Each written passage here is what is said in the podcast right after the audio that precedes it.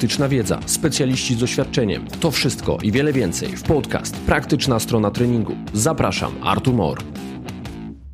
Cześć, dzisiaj odcinek specjalny z konferencji UKSCA. Ze mną przed mikrofonami Łukasz Kirschenstein, Kuba Surmacz i Tomasz Gęborys. W czwórkę postaramy się w formie takiego luźnego roundtable powiedzieć Wam, co tutaj się działo, jak wygląda formuła tej konferencji i myślę, że koniec końców zasugerować Wam, że warto, żebyście się tutaj pojawiły za rok i mam nadzieję z nami. Przyjechaliśmy w piątek i zaczęliśmy od wykładów popołudniowych, wieczornych, między innymi Chrisa Bishopa razem z jego studentami. Fajna formuła, bo doktor przedstawił swój research i potem e, pociągnęli inne tematy satelitarne jego studenci. Także typowo naukowy panel, dla mnie wręcz za bardzo naukowy, czyli to było takie omówienie swojego researcha w kilku zdaniach. Dodatkowo te wykłady poparte były no, takimi posterami, które wisiały przed salami wykładowymi. Co ty, Tomku, z tego zapamiętałeś? Jeśli chodzi o mnie, to było dosyć interesujące, bo skierowane było na counter movement jump, czyli coś, z czym mam do czynienia na porządku dziennym. Kilka ważnych rzeczy, które trzeba obserwować, które trzeba mierzyć. Młodzi ludzie, którzy robią fajną robotę, także duży plus. Ciekawe. No i potem e, razem z Kubą poszliście sobie na sesję lifting clubu, który koniec końców był open gym z możliwością dostępu do tych facilities, do tych budynków e, zapleczem sportowym. Fajny ten obiekt sportowy czy nie? No myślę, że na takie standardy, jakie widzimy w Polsce, to no jest to duża, duża przepaść w kwestii wyposażenia tego miejsca, miejsca samego w sobie, ilości stanowisk, na których można pracować. Natomiast mimo, że są te pojedyncze jednostki takiego wykwalifikowanego sprzętu, no to tak naprawdę sztangi, talerze, hantle, kawałek traku i wszystko, co powinno być realizowane w, w porozumieniu między fizjoterapeutą a trenerem przygotowania motorycznego tam się znajduje. Dobra, dla mnie to po prostu plac zabaw i to tak jak powinien wyglądać. Czyli prosty sprzęt, w dużej ilości niczego nie brakuje. No, no to centrum przygotowania motorycznego, no po prostu playing ground dla trenera przygotowania motorycznego. Dobra, czas na sobotę. Sobotę zaczęliśmy od samego rana. Co było rano? Kuba. Rano to był wykład Loreny Torres z hiszpańskiej koszykówki. Body and Mind e, jako całość w, na wysokim poziomie sportowym. No ja nie wyniosłem wiele z tego wykładu, oprócz tego, że ważny jest team spirit i jakby ważna jest e, nie tylko sprawność fizyczna, czy właściwości fizyczne, jakim e, wykazują się zawodnicy, tylko jakby ich charakter, poziom dialogu, jaki oni są w stanie prowadzić z trenerem prowadzącym. Ja tam zapamiętałem taką rzecz, że pozornie drobiazgi, detale tworzą istotny, duży obraz i zapamiętałem dwie takie rzeczy z tego wykładu. Jedna to było nawiązanie do kapitana, nie do kapitana, do zawodnika doświadczonego w drużynie, który już jest jednym z starszych zawodników i miał wszystkie kontuzje, jakie, jakie mógł mieć, tak? I ten zawodnik, pomimo, że fizycznie był, no ja to tak już dokoloruję, był bezużyteczny, nie za wiele potrafił, bo go wszystko bolało, wchodził na 5-10 minut i jego fan z tej gry, jego charyzma, jego emocje się zaczęły udzielać całej drużynie i to było takie pozytywne wzmocnienie dla nich. Z kolei drugim przykładem był zawodnik, który grał w obronie i też tam wszedł, bo z tego co pamiętam był po kontuzji również i wszedł na 10 minut, ale dosłownie ona, tak jak to zobrazowało, był przyklejony do tych atakujących i z kolei podciął morale drużyny przeciwnej, gdzie ci zawodnicy nie mogli się od, od, oderwać od niego, odkleić. I te 10 minut było game changerem e, w wykonaniu każdego z tych zawodników i sprawili, że mental całej drużyny poszedł zupełnie w stronę zwycięstwa. Co ciekawe, no nikt nie zakładał, że, że Hiszpanie wygrają i zrobią to w takim stylu, także jedno wielkie wow, okazało się, że ktoś, kto był skazany na porażkę, wygrał. I właściwie trudno wskazać jedną konkretną przyczynę, dlaczego tak było. I nawet tego sztab szkoleniowy nie może wskazać, raczej to są takie domniemania, że wiele drobnych detali, więc dla mnie to było przesłanie tego wykładu. Okej, okay, kolejny wykład. To to co, na czym Kuba byłeś? Bo ty byłeś, tu się rozdzieliliśmy. Tak, tak, bo może słuchacze tego nie wiedzą, ale do każdego dnia konferencji był przypisany, czy jest przypisany harmonogram, natomiast cztery bądź kilka wydarzeń więcej wydarza się w tym samym czasie.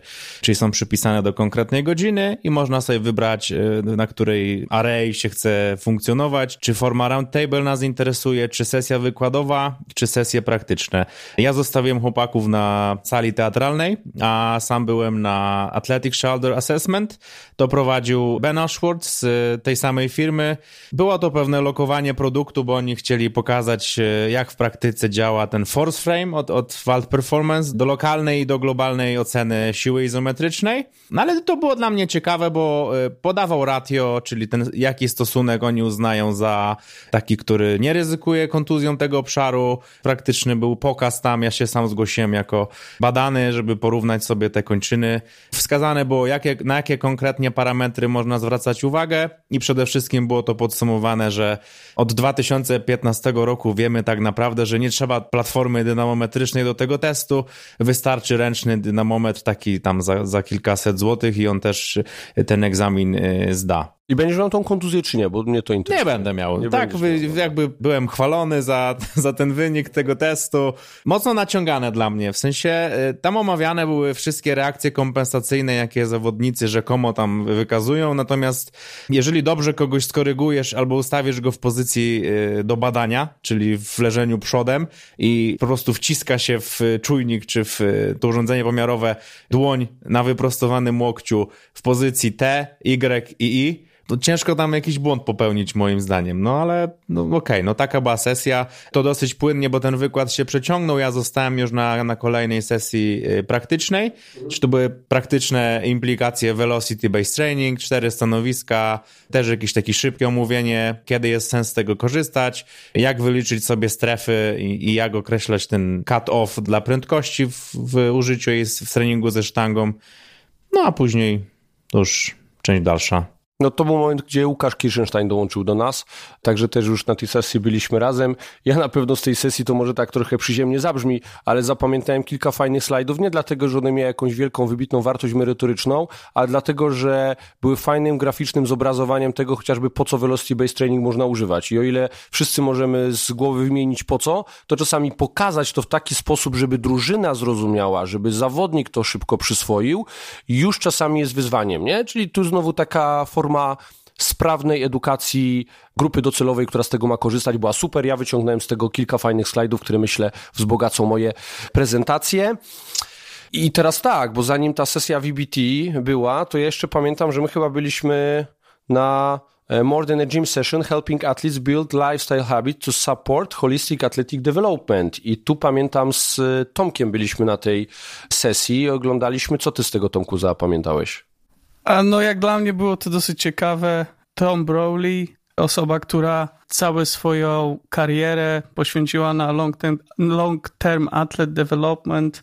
Fajne rozwiązanie, jeśli chodzi o młodych zawodników, kilka praktycznych y, zaleceń. Tutaj Artur, nie wiem czy pamiętasz, wszelkiego rodzaju nagrody, żeby było ten adherence, jeśli chodzi o młodych zawodników. Tak, to, to super, no bo myślę, że to, o czym zapominamy, jak pracujemy z młodzieżą, to jasne, fajnie byłoby ich edukować, fajnie byłoby wdrażać dobre nawyki, tworzyć pewną dyscyplinę, która byłaby realizowana, tylko łatwiej to wszystko realizować, kiedy na końcu czeka nas nagroda. No i zapewne pewien procent tych dzieciaków będzie osiągało sukcesy, będzie współzawodniczyło o najwyższe laury w swoich grupach wiekowych, ale będzie też duża grupa, która na tym etapie albo nigdy nie osiągnie takich sukcesów, czyli nie będzie gdzieś tam stała na podium. Nie zmienia to faktu, że u nich również możemy stosować taką e, gratyfikację poprzez nagrodę i tą nagrodą właśnie są takie e, achievementy w postaci jakaś koszulka za 50 czy tam 100 odbytych treningów, jakaś nagroda za to, że uczestniczył w największej ilości sesji w miesiącu. I niby takie proste rzeczy, ale czasami to jest właśnie ta gratyfikacja, której te dzieciaki jeszcze nie doświadczą na tym poziomie. Jeżeli my im to damy, uzyskamy e, większy adherence e, do tego, co, co chcemy. Nie? Także tak, więcej fanu, więcej, więcej zaangażowania. W międzyczasie, gdy byliście na Velocity Based Training, ja byłem na Speed Development in Team Sport, z Pody Roach, to jest e, trener przygotowania motorycznego w Arsenalu Women Team. E, wcześniej wiele lat spędził w Akademii Arsenalu, także dosyć ciekawe, aczkolwiek ponownie no nic nowego, ale fajnie czasami utwierdzić się, że co, to, to co robimy, to, to robią ci, którzy są na topie, także jak dla mnie duży plus. Tak jest. I potem wróciliśmy wszyscy już e, w czwórkę do sali głównej, konferencyjnej i wykład miał Damian Harper, Deceleration, Importance for Speed, Performance and Injury Risk Reduction in Multidirectional Sports i to był wykład, który był prowadzony tak, jak ja bym sobie tego życzył. Może trochę praktyki brakowało, ale Tutaj już na pewno Łukasz ma kilka fajnych e, wrzut do powiedzenia, poza tym pewnie też kilka własnych doświadczeń z pracy, które może zestawić z tym, co mówił Harper. Dawaj Łukaszu. Tak, tak. Bardzo fajnie to wszystko wyłożone, ta wiedza usystematyzowane, generalnie ten, ten cały najnowszy research, jeżeli chodzi o ten cały temat and deceleration, który jest tak naprawdę przez długi, długi okres był ignorowany, jeżeli chodzi o przygotowanie motoryczne, sporty właśnie zespołowe, tam gdzie wy, występują te siły takie mocne, gdzie się hamuje, powiedzmy, gdzie się wytraca prędkość. I to jest tak naprawdę taka szara strefa w tym całym przygotowaniu motorycznym, bo siły tak naprawdę, jak tu e, Damien pokazał, to są siły, które są mega, mega e, duże, wyższe często niż przy top, e, top end sprinting, czyli przekraczające pięć razy i więcej masy ciała, ale kluczowym aspektem jest tutaj sposób generowania tych sił przez organizm i to są po prostu, to, to jest coś, co jest generowane w organizmie w, w zakresie około 30 milisekund. Także to jest coś mega, mega szybko. Wiadomo, jest tutaj korelacja, jeżeli chodzi o duże urazy typu ACL, i tego typu rzeczy. Z własnego doświadczenia to jest coś, co śledzimy używając e, nadajniki GPS i tutaj wykładowca pokazywał lepsze standardy, takie jak radary czy laser guns, czy tego typu rzeczy do, do mierzenia tego całego tematu i to jest tak naprawdę złoty środek. Jeżeli chodzi o GPS-y, to tutaj w kuluarach mieliśmy takie konwersacje, czy faktycznie to, co mierzymy jest, jest tam rzetelność i no, jeżeli jako takie zaznaczenie tematu, to na pewno, jeżeli wierzysz w 100%, to nie, bo nawet ten cały wykładowca miał dosyć dużą rozpiętość, jeżeli chodzi o ten max deceleration, sięgającą od 5,5 aż do 10 metrów na sekundę. To, są, to, to, są, to jest przepaść, to są potężne siły. Tak jak zresztą on tam zobrazował, że powyżej tam 12 czy 13 metrów na sekundę, to po prostu urywasz nogi, nie? To są takie ekstrema. Aczkolwiek temat na pewno z czasem rośnie w siłę, bo e, on generalnie zaczął to, wiem, z kwestia roku, może dwóch, to jest dosyć świeże, ale jest dużo więcej tego całego research robią na ten temat. Jest to coś, co na pewno e, w przyszłości będzie mega wartością dodatnią, jeżeli chodzi o prewencję urazu przede wszystkim i, i poprawianie tego wskaźnika deceleration, z który wiemy, że tak naprawdę jest taką podwaliną, jeżeli chodzi o zmianę kierunku, bo dobry deceleration często się przekłada w lepszą zmianę kierunku i, i, i kontrolę biegu. Zawinął to ładnie takimi, znaczy się ładnie, podejrzewam, że mógłby troszeczkę więcej, tak jak Artur powiedział, pokazać. Dosyć uproszczenie pokazał cały framework, jeżeli chodzi jak trenować pewne aspekty, no ale myślę, że to tutaj, jak każdy dociekliwy trener sobie, sobie Metody rozkminie. dobierze sobie. Dokładnie, tak naprawdę. Jest tego sporo, jest w czym wybierać i trzeba sobie to, tak jak z wszystkim, dobrać do danego środowiska, do danego zawodnika. Też taka narracja tutaj, że te metody na prostsze, czyli jakieś lunche, jakieś e, overloaded e, speed training działa najlepiej, także myślę, że fajnie jest usłyszeć od takich ludzi, że możemy tak prosto to wszystko poprawiać. Dobra, to jeszcze wartości liczbowe. Tam akurat było nawiązanie do e, najszybszego zwierzęta, zwierzęcia lądowego, czyli do geparda i jego akceleracja, przyspieszenie to 9,8 metra na sekundę do kwadratu, a deceleracja, hamowanie to nawet 15,2 metra na sekundę do kwadratu. Nie przypominam, że jeżeli mówimy o człowieku, to 10 metrów na sekundę do kwadratu jest już wartością imponującą. Ja tylko chciałem dodać, że ja uważam, że była duża wartość praktyczna. Wy jako trenerzy przygotowania motorycznego macie pewnie większe doświadczenia mi jako wiodący mój zawód to fizjoterapeuta, więc te ćwiczenia praktyczne, czy te, te praktyczne kontrasty, które on tam pokazywał na koniec, to mi się to podobało, bo w kontekście tego, jakie, jakie są możliwości absorbowania obciążeń przez staw kolanowy, to ja to odnajduję jako przydatne do wykorzystania tak naprawdę od, od jakiejś tam kolejnej no, sesji. No, no i właśnie, tu się wyłania trochę taki też e, ważny aspekt. Jedą cztery osoby na tą samą konferencję, każdy ma swoją jakąś wiedzę, swój bagaż doświadczeń i każdy wyciągnie co innego, nie? I to czasami też zawsze bierzcie sobie, jak słuchacie tego, z pewną dozą ograniczonego zaufania, bo może się okazać tak, że przyjedzie ktoś tutaj na pewnym etapie swojego rozwoju i wszystko dla niego będzie nowe i wszystko będzie dla niego rozwijające, a przyjdzie ktoś, kto będzie albo za zbyt wczesnym etapie edukacji, wszystko będzie niezrozumiałe, albo będzie już na tyle doświadczony, że właściwie bardziej ten wymiar społecznościowy tutaj dla niego będzie ważny, a nie ta wartość edukacyjna. I o tym też należy pamiętać. Teraz bardzo modne, w pełni zasadnie jest pojęcie context depend, że wszystko zależy od kontekstu, więc tutaj również ta konferencja zależy od tego kontekstu, w którym momencie swojej edukacji jesteś, tyle z niej wyciągniesz, ale każdy znajdzie tutaj coś dla siebie. Dobra, to teraz yy, wykład Davida Boyla z ASCII. I to był wykład zatytułowany Understanding the Decision Making Process of Elite Coach and High Performance Managers on Player Training and Game Availability in Elite Sport Teams. Co z tego panowie zapamiętaliście? No, przede wszystkim. Szczerze, Tomaszu, szczerze. Szczerze, to, to przede wszystkim to, że jest to bardzo złożone, że cała decyzja, jeśli chodzi o zawodnika, przede wszystkim powinna być podejmowana, biorąc pod uwagę zdanie tego zawodnika. To było, co ja zapamiętałem z tego najbardziej, bo bardzo często zapominamy, że pracujemy z osobą, a decyzje podejmują inni ludzie, czyli doktorzy, fizjoterapeuci, fizjologowie, a zapominamy o zdaniu zawodnika. I to się też pokrywa ta narracja z tym, co trochę nawiązanie do konferencji Gain, kiedy był ten moment, kiedy poproszono y, chociażby Elizę Perry, czyli taką uznaną, no, celebrytkę, sportsmenkę, australijską reprezentantkę kraju w krykiecie i tam bodajże chyba w piłce nożnej, którą też zadano pytanie, co jest dla niej ważne, jak ona ocenia współpracę z dotychczasowymi trenerami, przygotowania motorycznego w ogóle ze sztabem szkoleniowym.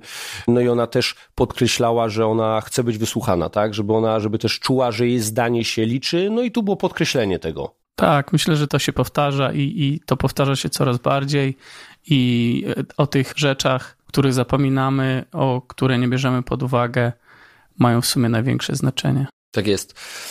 No i roundtable, change of direction, czy zmiana kierunku ruchu i znowu pojawił się tutaj na sali Harper, pojawił się Dos Santos i McBurney no, luźna rozmowa, która pokazywała różne podejścia, różne perspektywy do, e, do tej zmiany kierunku ruchu, ale to było fajne, bo, bo znowu jakby wyłaniał się z tego obraz. Mamy trzy osoby doświadczone, które są praktykami, które tworzą naukę związaną z tą tematyką i pokazują, że potrafią patrzeć na to z własnej perspektywy, która się różniła między nimi, a dodatkowo, jeżeli jeszcze umiejscowiali to w kontekście sportów, z którymi mieli możliwość pracować, to również to jeszcze komplikowało trochę sprawę, nie? Czyli wydawałoby się zmiana kierunku ruchu, taka prosta rzecz, a znowu można było o tym gadać przez 45 minut i każdy miał coś do powiedzenia i niekoniecznie się z sobą zgadzali, nie? A, a nie oznaczało to, że ktoś z nich osiągał lepsze efekty aniżeli inny. Nie, jak dla mnie myślę, że bardzo fajna dyskusja tam się nawiązała.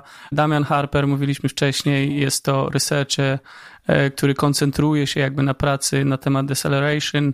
Thomas dos Santos jest z University w Manchester, też researcher, ale mamy też Alistera McBurn, który pracuje w Manchester United.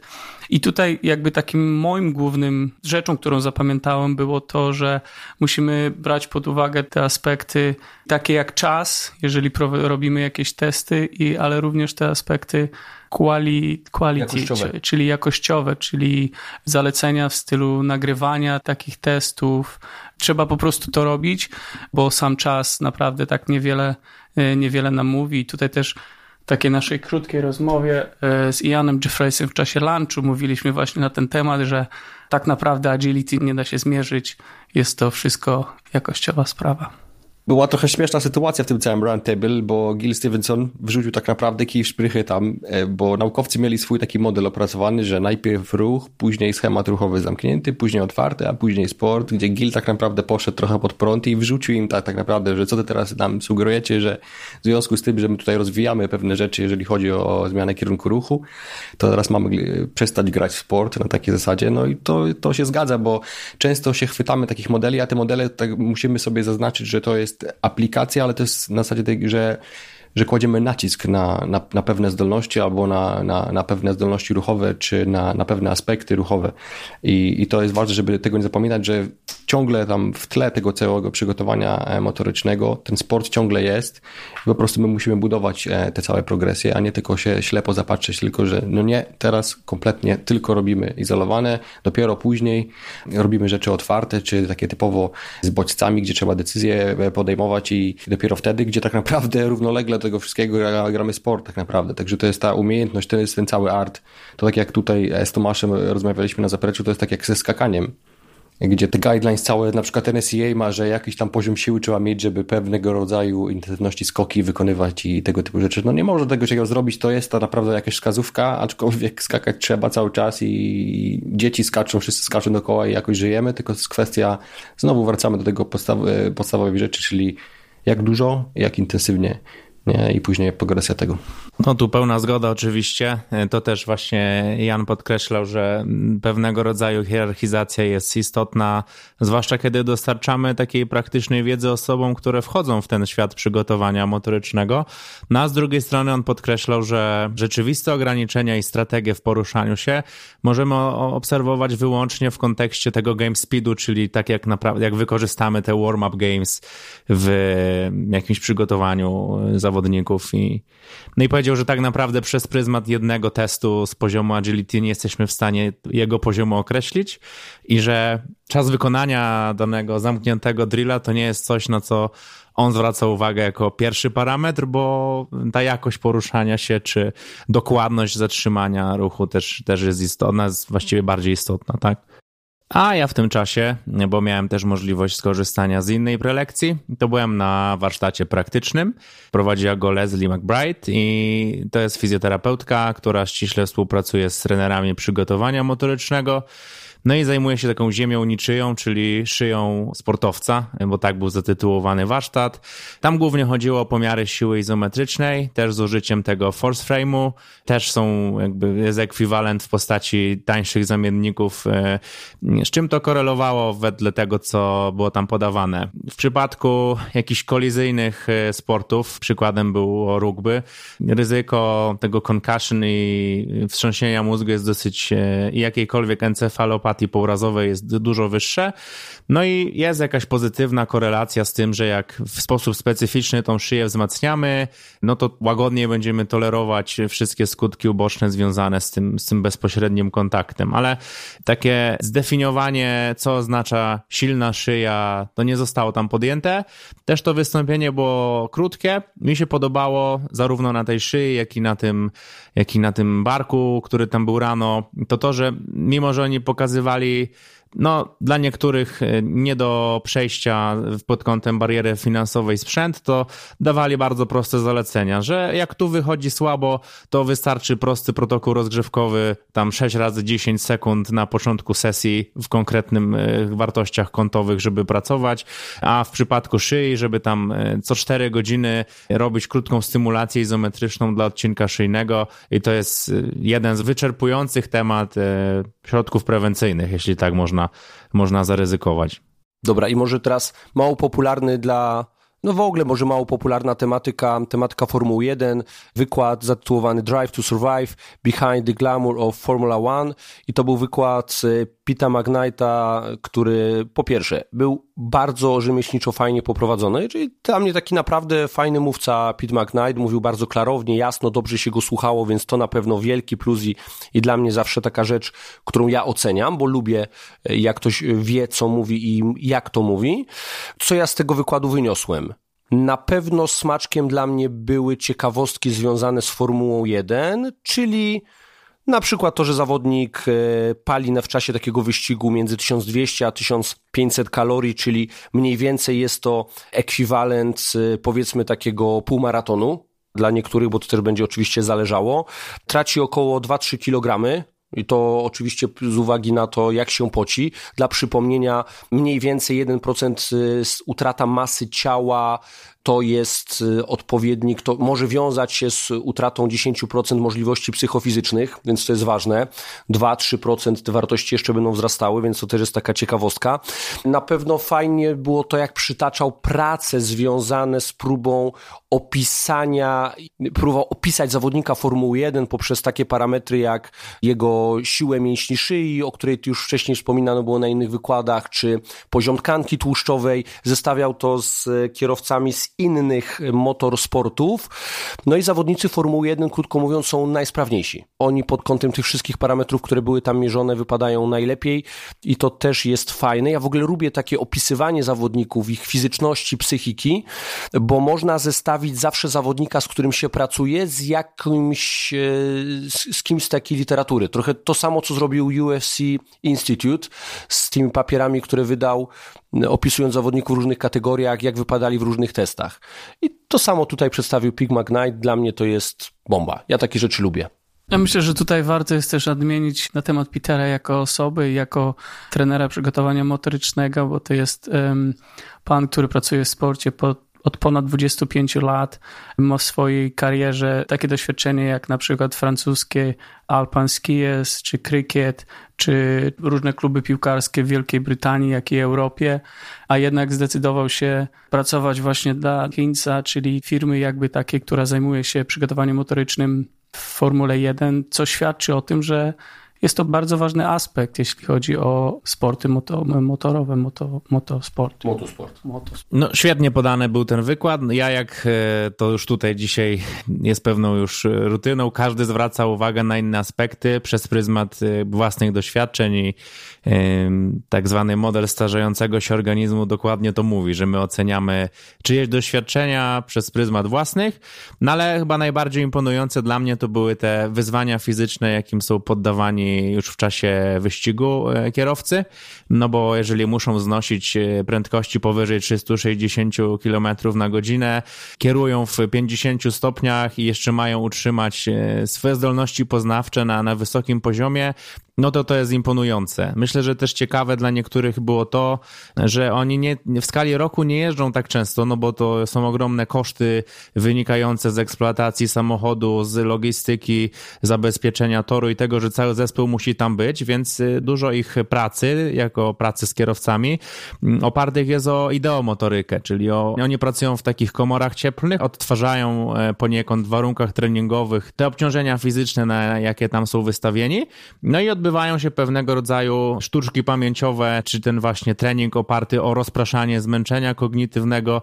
Dla mnie to było fajne, bo mnie takie rzeczy interesują. Nowość, w sensie punkt widzenia na, na zupełnie, na myślę, na, na dyscyplinę, o której tak naprawdę mało wiemy, bo większość przygotowania motoryczne kojarzy z, no, z piłką nożną, z, ze sportami drużynowymi i tak dalej, więc fajny wykład na zakończenie panelu konferencyjnego, bo to chyba był ostatni wykład dzisiaj, prawda? Tak, to był właśnie ostatni i tak to jest na tych konferencjach, że człowiek tak, mózgowica jest trochę pod koniec dnia zmęczona, a to mimo wszystko fajnie wchodziło. Ukłony dla, dla, dla Pita właśnie, jeżeli chodzi o samą konstrukcję tej prezentacji, bo on fajnie zrobił to rozbicie sportu, czyli ten, ten sport analysis i później fajnie pokazał środki, jak on buduje te przygotowanie ogólne, czyli siłowe, kondycyjne, później to przygotowanie specjalne, później różne takie środki jak VR, racing, symulatory i tego typu rzeczy. Też fajnie narysował i pokazał jak jest inna charakterystyka trenera przygotowania motorycznego w takich sportach motorowych, bo często takim, e, taki trener przygotowania motorycznego jest też tak takim, jakby powiedzieć, performance coachem i tak naprawdę taką sekretarką i wszyscy wiemy, że podejrzewam, że wiele osób oglądało dokument na Netflixie Drive to Survive, już były, chyba trzy, trzy były e, serie tego jest to takie środowisko mega, mega, e, ja to mówię pressure cooker, czyli jest mega stresujące. No i trzeba się odnaleźć w tym tak naprawdę. Także mega, mega wyzwanie, jeżeli chodzi o przygotowanie motoryczne. Nie, nie chodzi o to, że aplikowanie środków, tylko e, to samo środowisko do prowadzenia tego. No i tak jak mówię, ciekawostką e, też właśnie były te wszystkie wartości związane właśnie z tętnem, z wydolnością. Ci wszyscy kierowcy są relatywnie, mają dosyć wysokie odczyty VO2 max, jak na takie siedzące zadania tak naprawdę. Także to też było dosyć ciekawym aspektem. Generalnie super. Tak, to jest, to jest kondycyjny sport, o tym trzeba powiedzieć. Nie? Tu tak. jakby te aspekty takie siłowe to może tylko przez pryzmat tych przeciążeń związanych z głową i tym kaskiem, który zaczyna więcej no ważyć. nie? Z plecami. Tak, ale to jednak to jest sport kondycyjny, on to podkreślał. Mm. Czyli tutaj umiejętność, bo, bo im to ten noskaczy, tak? Oni pracują tam na e, treningowo na 130-30 uderzeniach. Tak, w zależności od przeciążeń tak. w zakrętach jest opóźnienie, podniesienia tętna. Fajnie, tak jak mówisz właśnie, że na zmęczeniu musisz obsługiwać tą dosyć skomplikowaną kierownicę, cały czas pilnować tych ułamków sekundy, jeżeli chodzi o, o czas. Tak naprawdę jak pokazywali tego Carlosa Sainza, no to oni znają tor na pamięć tak naprawdę, nie? Bo taki siedzi w tym bolidzie, oni siedzą praktycznie dupą na ziemi, także oni tych dojazdów, tych całych ipexów, e, wierzchołków, zakrętów oni nie widzą. Także oni mają te tory wyuczone na pamięć i obsługują wiele różnych rzeczy naraz, plus komunikację, tak naprawdę pod zmęczeniem, nie? Czyli to jest takie, jak on to porównał, granie w szachy podczas biegu e, maratonu, nie? Tak to mniej więcej wygląda, także jest Dobre porównanie. ciekawe. Mhm. Dobra, no i co? No i potem koktajl party, ale to właściwie jest e, w trakcie bankiet. Wracamy tam, myślę, że czas kończyć i trochę się podelektować chwilą spokoju i relaksu w towarzystwie innych trenerów przygotowania motorycznego z reszty świata.